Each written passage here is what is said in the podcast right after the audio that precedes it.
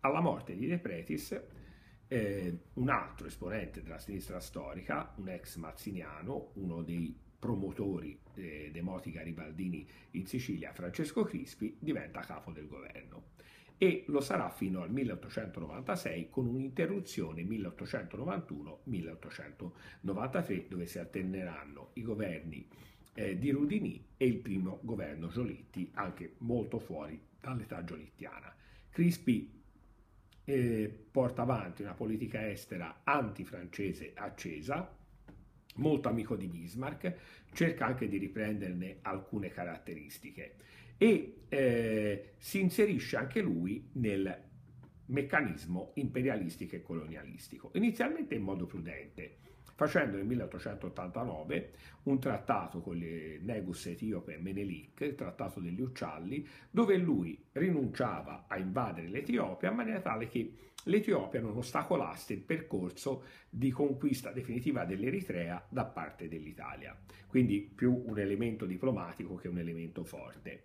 Eh, avvia una lotta doganale con la Francia che per l'Italia è devastante perché la merce francese era superiore e eh, mostra dei limiti caratteriali piuttosto forti, cioè è eh, molto virulento, eh, non sopporta molto il dissenso e questo ne limita l'azione perché in realtà è molto competente dal punto di vista amministrativo. Nei suoi governi eh, è possibile rintracciare anche un grande successo, cioè il codice penale del 1890, il codice Zanardelli, Zanardelli, quello che aveva fatto la legge elettorale del 1882, un grande giurista, fa questo codice penale dando all'Italia un codice che non aveva, perché eh, prima di Zanardelli c'era un potere discrezionale della magistratura.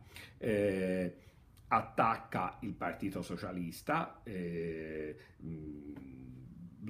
più che partito che ancora non era il movimento socialista e il movimento eh, repubblicano, però mette nel 1890 all'interno del codice la libertà di sciopero, quindi molto contraddittorio anche da questo punto di vista.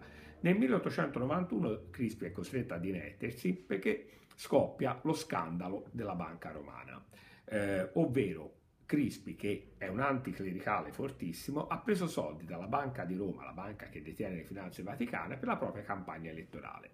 A scoprire questo è uh, una commissione d'inchiesta guidata da un deputato radicale vicino a, a Cavallotti, Colaianni, e eh, Crispi è costretto alle dimissioni. Al suo posto diventa capo del governo un altro siciliano di Rudini, che durerà un anno solo, non facendo cose particolarmente importanti, e poi sale al governo l'ex ministro del tesoro del governo De Pretis, Giovanni Giolitti, cinquantenne.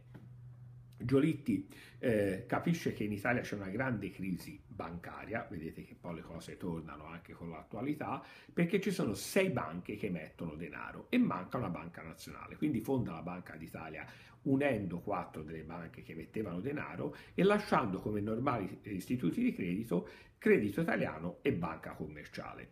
Eh, quando sembra essere nato un nuovo astro, anche Giolitti finisce nello scandalo della banca romana.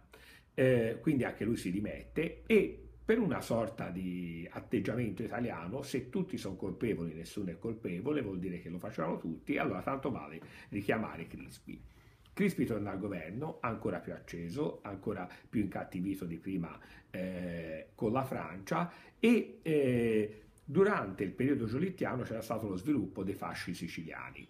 I fasci siciliani eh, che avevano come capo un personaggio incredibile della storia d'Italia, Bernardino Verro, uno che poi è finito addirittura nella mafia, ma poi ha capito che la mafia era una cosa sbagliata e quindi ne è venuto fuori. Uno che ha lanciato dei giornali importanti come Terra e Uviddano parlando della situazione dei braccianti eh, del meridione. E Giolitti aveva lasciato sviluppare questo movimento alla, alla Giolitti, ovvero non reprimendo ma nemmeno concedendo. Invece Crispi quando arriva probabilmente anche per la credine che ha nei confronti di Colaianni, reprime duramente questo movimento, ma questo eh, significherà rimettere eh, il meridione davvero nelle mani della mafia.